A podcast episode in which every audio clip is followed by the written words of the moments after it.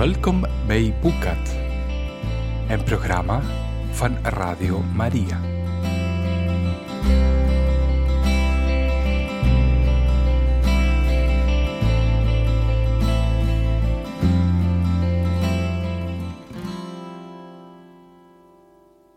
Welkom, beste luisteraars, voor een nieuwe aflevering van Boekat.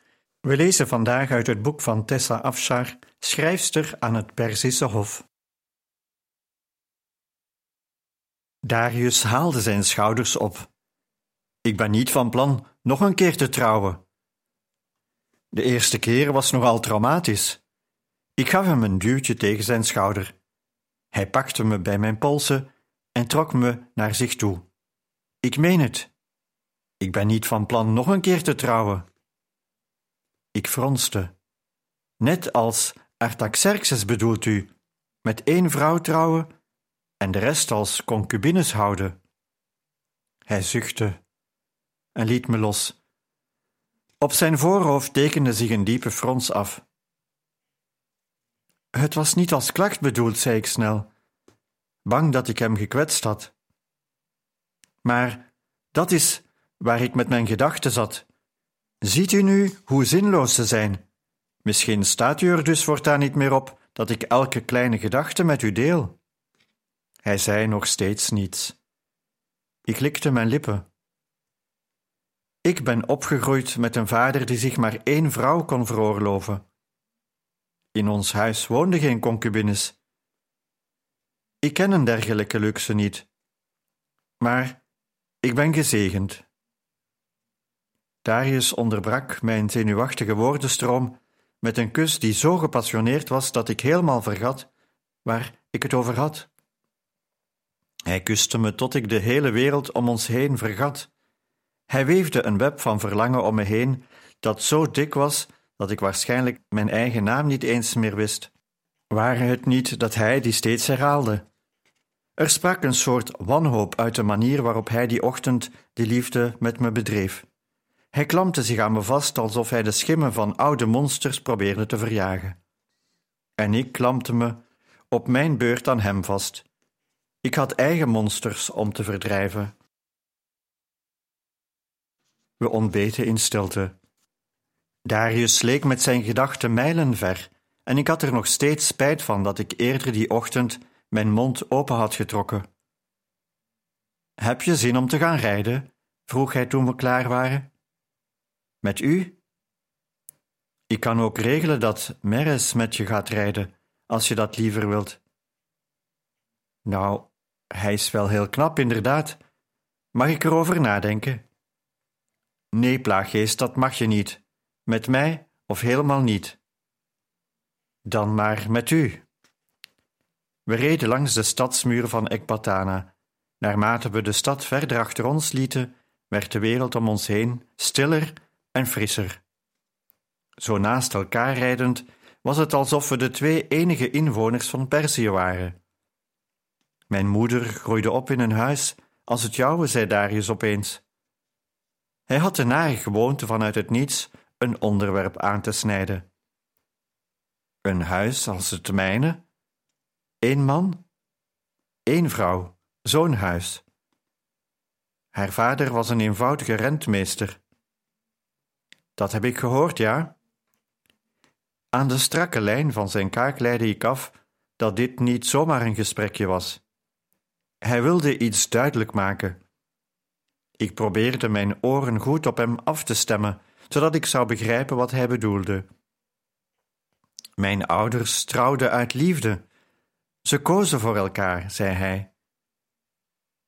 Ik dacht na over de luxe van iemand te kunnen houden in de wetenschap dat de ander ook van jou houdt.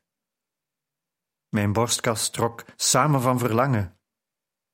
Ze moeten heel gelukkig zijn geweest. In veel opzichten wel, ja, maar mijn moeder kon maar moeilijk wennen aan het leven met een man die met zoveel andere vrouwen omgang had. Menig avond zag ik hoe ze haar tranen probeerde te verbergen wanneer mijn vader een andere vrouw dan haar ontbood. Ze begreep toen ze instemde met het huwelijk met mijn vader dat het leven met een Perzisch aristocraat betekende dat ze haar man met andere vrouwen moest delen. Ze kon hem ten dele krijgen of helemaal niet. Ze koos voor ten dele. En hoewel ze die keuze bewust maakte, betaalde ze er toch een prijs voor. Ze leed onder die immer gedeelde aandacht. Hij wilde me duidelijk maken dat hij mijn verdriet begreep, dacht ik. Dat hij me er niet om veroordeelde. Hij wilde dat ik met zijn manier van leven leerde omgaan, net zoals zijn moeder uiteindelijk had geleerd ermee om te gaan. Ik zal trachten het te verdragen zoals uw moeder deed, zei ik. Hij trok een gezicht. Toen ik nog klein was, beloofde ik plechtig mijn vrouw dat nooit aan te doen, haar nooit zo eenzaam te laten zijn. Hij verplaatste zijn gewicht. Weet je welk leven ik wilde? Nee. Het leven dat Bardia's zoon leidde, Gobris vader, die had één vrouw. Zijn kinderen werden allemaal door dezelfde vrouw gebaard en ze woonden allemaal op elkaar gepropt in een klein huisje op ons landgoed. Maar ze waren gelukkig, samen. Ik heb drie halfbroers en twee halfzussen, en ik ken ze nauwelijks. Mijn broers hebben een hekel aan me, omdat ik de eerste erfgenaam ben, en mijn zussen zijn vooral uit op voordeeltjes, niet op genegenheid. Ik schudde mijn hoofd. Er bestaan geen perfecte families, hè? Ik dacht dat uw familie toch in de buurt kwam. Ik had ooit mijn lokken ervoor over gehad om een leven te kunnen leiden als u met uw ouders deelde. Hij boog zich naar me toe en trok plagerig aan een van mijn dikke pijpenkrullen. Die zou ik niet zo makkelijk weggeven als ik jou was. Ik vind ze veel te mooi. Ik duwde zijn hand weg. Ik denk dat Gobri zonder aarzelen met u had willen ruilen. Ik weet dat ik bevoorrecht ben. Ik weet dat ik meer geluk heb gehad dan anderen. Maar ik heb toch altijd gehoopt dat ik mijn kinderen een nog beter leven kan geven. Ik had uit liefde willen trouwen, net als mijn ouders. Ik wist ook dat dat gezien mijn positie ongebruikelijk was. Ik dacht eindeloos na over manieren waarop ik mijn vrouw het lijden van mijn moeder kon besparen. Toen mijn vader een huwelijk arrangeerde met een vrouw van wie ik nog nooit had gehoord, dacht ik dat ik tenminste wat dat betrof geen slecht geweten zou hoeven hebben. Ons huwelijk was niet uit liefde. Jij wilde me niet, ik wilde jou niet. Ik stelde me voor dat dat jouw redding zou zijn, ook al deed ik wat ik kon om je in mijn huis te verwelkomen. Hoe bedoelt u? Ik kon me maar weinig van een warm welkom herinneren. Voordat ik met je trouwde, had ik drie concubines. Ze kwamen elk uit vrije wil bij me. Ik heb nooit oorlogsbuit in de vorm van een doodsbange vrouw geaccepteerd. Toen mijn vader me over ons huwelijk vertelde, heb ik voor elk van mijn concubines een huis in laten richten met eigen personeel en voldoende geld om een comfortabel leven te kunnen leiden. Ze kunnen trouwen als ze dat willen, of onafhankelijk blijven. Ik heb dat gedaan, opdat mijn bruid mijn huis kon betrekken als de enige vrouw in mijn leven. Het leek mij de juiste manier om ons leven samen te beginnen. Mijn vingers omklemden Kidari's vleugels. U deed dat allemaal, ook al betekende een huwelijk met mij het einde van uw droom uit liefde te kunnen trouwen. Ik tuurde naar de grond, opeens blind voor de schoonheid om ons heen. U dacht na over mijn welbevinden terwijl ik enkel bezig was met mezelf en hoe ik mijn zin kon krijgen. Ik schaam me diep, Darius, meer dan ooit, dat ik u zo heb gekwetst. Hij maakte een ongeduldig gebaar en antwoordde: Ik zeg het niet om je in verlegenheid te brengen. Ik zeg het omdat ik vanochtend in jouw ogen een reflectie zag van wat ik vroeger bij mijn moeder zag. Ik neem aan dat zelfs een vrouw die niet van haar man houdt, hem niet wil delen. Ik wil dat je je daar vooralsnog geen zorgen om maakt. Zolang jij in mij gelooft en niet tegen me liegt, zal ik niet met een ander trouwen. Mijn hart kromp samen. Ik had mezelf beloofd het hem nooit te zeggen, maar ik kon het niet meer tegenhouden. Maar ik houd van u, riep ik uit, verbijsterd dat ik die verboden woorden zomaar had uitgesproken. Drukte ik mijn kuiten tegen Kidaris flanken en galoppeerde er vandoor. Maar een race willen winnen van een Persisch aristocraat is zoiets als feller willen stralen dan de zon. Slechts een paar seconden later lagen mijn teugels in Darius' handen en kwamen we beide abrupt tot stilstand. In een vloeiende beweging sprong hij van zijn paard en trok mij tegelijkertijd van het mijne. Hij dirigeerde ons van de paarden weg en bleef toen staan. Wat zei je? Niets. Meende je dat? Vergeet het, het doet er niet toe. Het doet er voor mij wel toe, zei hij met een tedere blik. Ik wil het je horen zeggen. Ik boog mijn hoofd. Ik zei dat ik van u houd. Het probleem met de liefde, zo peinsde ik, is dat niets anders dan even grote of nog grotere liefde het verlangen kan stillen. De afgelopen twee dagen had ik genoeg inzichten opgedaan om mijn leven volledig op zijn kop te zetten. Ik had ontdekt dat mijn man niet onverschillig tegenover me stond. Hij was gesteld op mijn gezelschap en wilde me niet kwijt. In zijn vriendelijkheid had hij zelf beloofd niet met een ander te trouwen. Ik werd door hem met meer egaars behandeld dan Damaspia door de koning, want ik hoefde mijn man niet met andere vrouwen te delen. En toch was ik vreemd genoeg niet gelukkig. Ik verlangde naar meer. Mijn man wilde me, maar hij hield niet van me. Vriendelijkheid, verlangen en aandacht konden de afwezigheid van liefde niet goedmaken, konden niet compenseren dat hij, toen ik bekend had van hem te houden, mij weliswaar vol passie had gekust, maar zelf geen liefdesverklaring had afgelegd. Nog kon ik het uit mijn hoofd zetten dat hij, toen hij het had over geen andere vrouwen in huis hebben, het woord vooralsnog had gebruikt. Een woord dat een onheilspellende klank had. Ik wist dat de verwachtingen van zijn vader en de druk van een culturele erfenis van hem eisten dat hij zijn huis vulde met vrouwen en kinderen. Hoe lang zou de tere herinnering aan een geliefde moeder stand houden tegenover het enorme gewicht van dergelijke verwachtingen? Hoe moest hij overeind blijven zonder een schild van liefde, van geloof, tegenover alles wat elke andere aristocraat als zijn plicht aan familie en natie zou beschouwen? Zijn belofte niet met een ander te trouwen was misschien geruststellend, maar bracht voorwaarden met zich mee. Zolang ik in hem geloofde en hem geen leugens vertelde, had hij gezegd. Als ik een misstap beging of in zijn ogen niet te vertrouwen was, hoe lang zou hij dan nog vasthouden aan die intentie geen andere vrouw te huwen? Ja, hij was gesteld geraakt op mij maar hij moest nog leren me te vertrouwen. Elke dag leek hij meer bereid zijn twijfels over mij los te laten. Maar ik vroeg me af of er ooit een tijd zou komen waarin hij me zonder aarzeling of reserve zou geloven. In deze eerste herfstdagen bracht ik menig uur door bij God.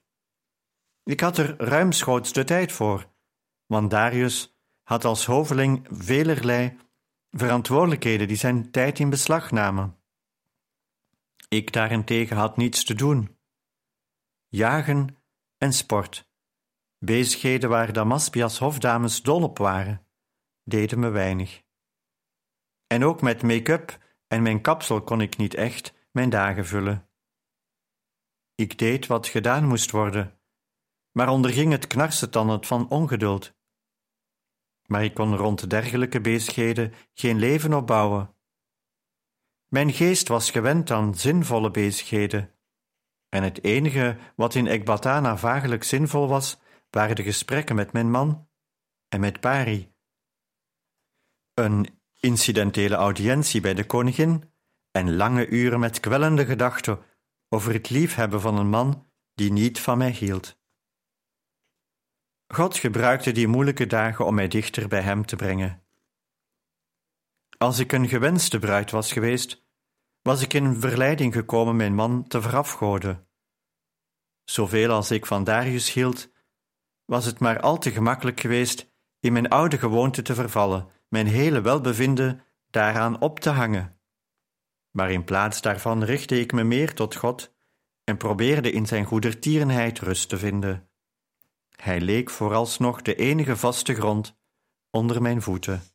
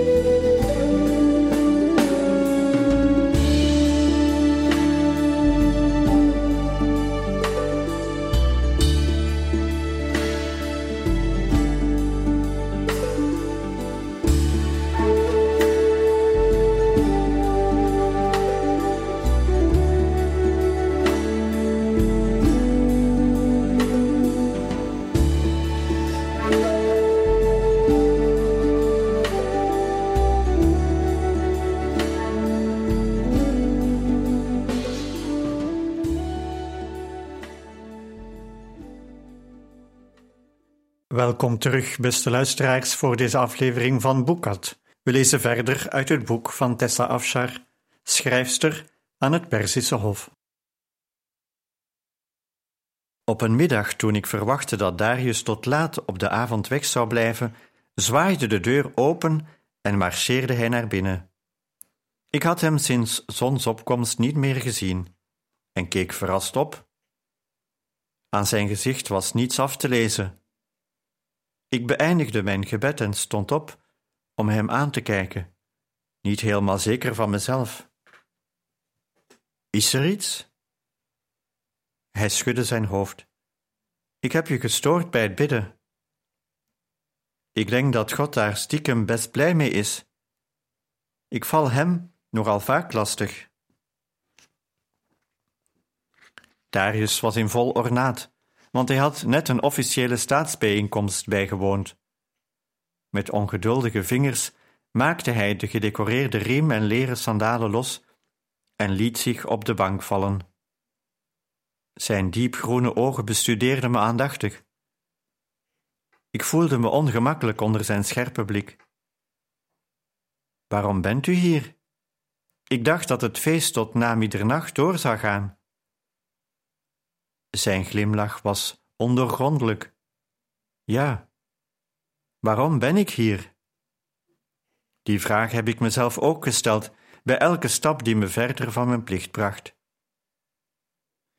Ik zou kunnen zeggen dat ik me begon te vervelen bij de uiteenzettingen van de verschillende staatshoofden. Ik ging naast hem op de bank zitten, onzeker door zijn vreemde bui. Is dat zo? O ja, maar dat is niet zo ongebruikelijk. Ik nam al aan dit soort dingen deel toen ik nog nat achter de oren was. Waarom bent u dan weggegaan? Ik ben gegaan, vrouwtje van me, omdat ik jou miste. Elke vorm van vreugde die ik over die bekentenis had kunnen voelen, werd niet gedaan door de beschuldigende toon. Het klinkt alsof u er niet blij mee bent. Hij ging met een hand door zijn haar en leunde achterover, zodat hij een afstand tussen hem en mij schiep. Waarom zou ik niet blij zijn? Het lijkt me geen verrassing dat jij vermakelijker bent dan een verzameling oude zeurpieten die op allerlei gunsten uit zijn. Iedereen is vermakelijker dan dat. Ik leunde nu ook achterover om afstand te creëren. Wat een uitzonderlijk talent hebt u toch, zei ik droogjes. Met slechts een paar woorden slaagt u erin de hele Perzische aristocratie en een stel buitenlandse staatshoofden te beledigen. En mij erbij. U zou me toch echt eens moeten leren hoe u dat doet. Bij zijn ooghoeken verschenen rimpeltjes. Uit zelfbehoud moet ik je dat helaas weigeren, dame. Jij hebt al genoeg wapens tot je beschikking. Het zou zelfmoord zijn dit er ook nog aan toe te voegen. Terwijl hij af begon te koelen, kreeg ik het steeds warmer. Ik weet niet waar u het over hebt. Voor ik het wist, lag ik in zijn armen. Dit is zo'n wapen, mompelde hij vlak voor mijn mond. En dit hier, verzuchtte hij, terwijl hij me bleef zoenen. Met het laatste beetje kracht dat ik nog in me had, deed ik een poging me te verzetten. Het is niet eerlijk dat u mij verwijt dat u me mist. Ik weet het.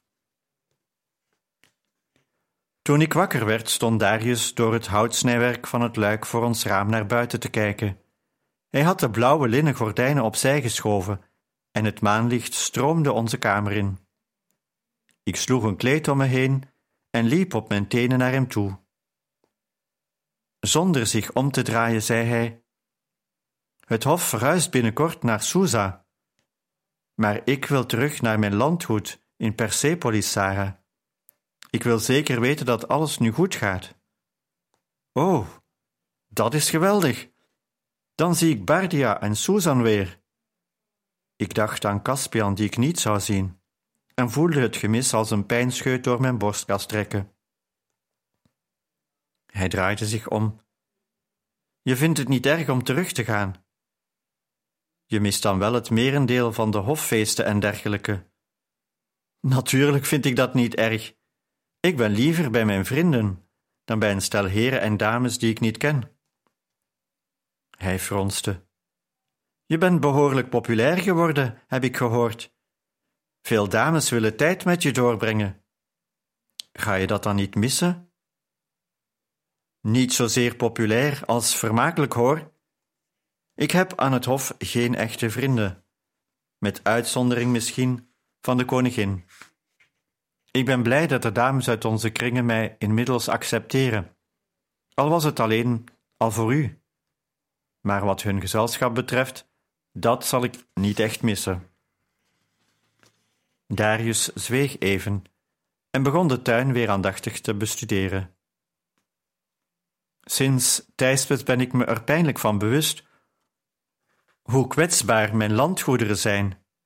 Ik ben veel weg en heb niet de tijd noch het karakter om elk detail van het beheer ervan in de gaten te houden. Ik dacht vroeger dat ik dergelijke zaken aan mijn rentmeester en personeel over kon laten. Nu weet ik dat dat niet genoeg is. Zijn adem ontsnapte als een leeglopende ballon. Ik weet nu hoeveel schade een oneerlijk individu aan kan richten. En daarom heb ik een voorstel voor je, Sarah. Ik wil dat jij het beheer van al mijn eigendommen leidt. Dat deed je ook voor de koningin, toch?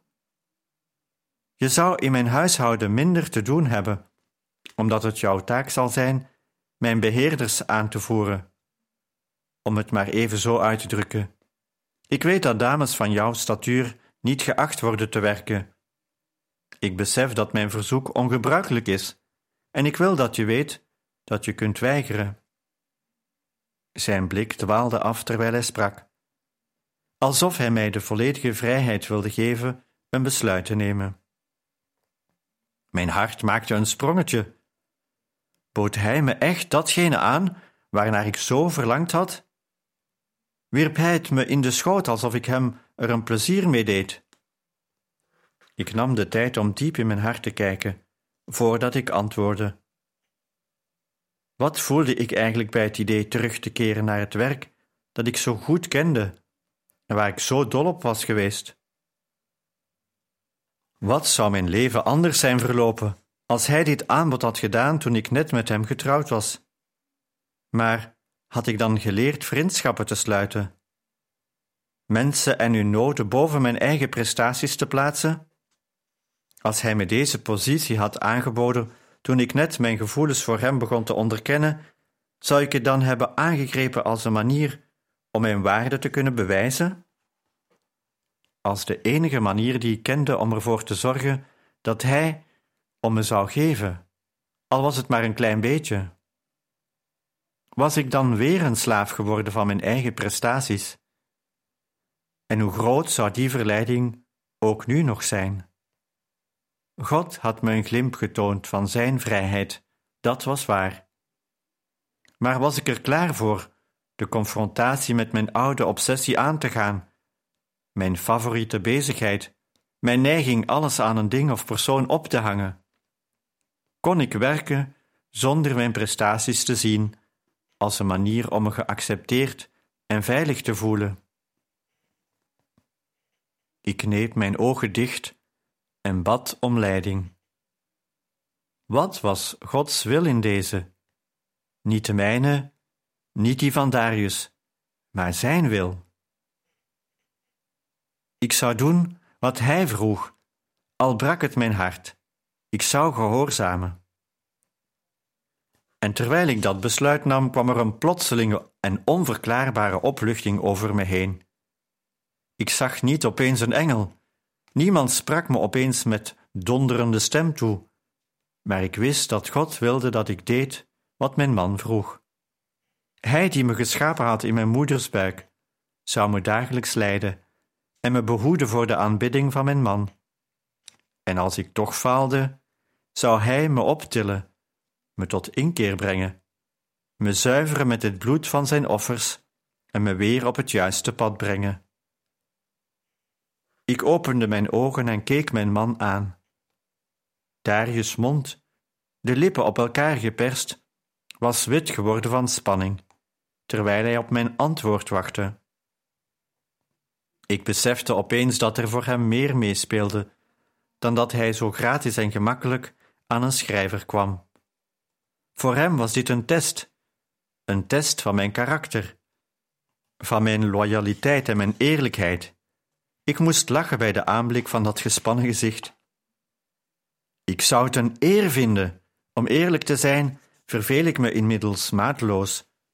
Er zijn dagen dat zeurende oude staatshoofden mij het summum van vermaak zouden lijken, vergeleken met de zoveelste behandeling van Damaspias schoonheidsspecialisten. Ik zou u graag dienen zoals ik de koningin heb gediend. Weet je het zeker? Ik zal je niet straffen als je weigert. Ik wil helemaal niet weigeren. Een sterke hand omsloot de mijne terwijl hij zijn blik weer op de tuin richtte. Ik gaf zijn vingers een kneepje en keek net als hij naar de maan overgoten tuin. Hij hield dan misschien niet van me, maar hij miste me in de loop van een dag wel. Hij vertrouwde me dan misschien niet helemaal, maar hij vertrouwde mij wel zijn hele bezit en de zorg van zijn personeel toe. Hij wilde het dan misschien niet, verzette zich er zelfs tegen, maar elke dag schonk hij me weer een klein stukje van zichzelf. Mijn gezicht glom van tevredenheid.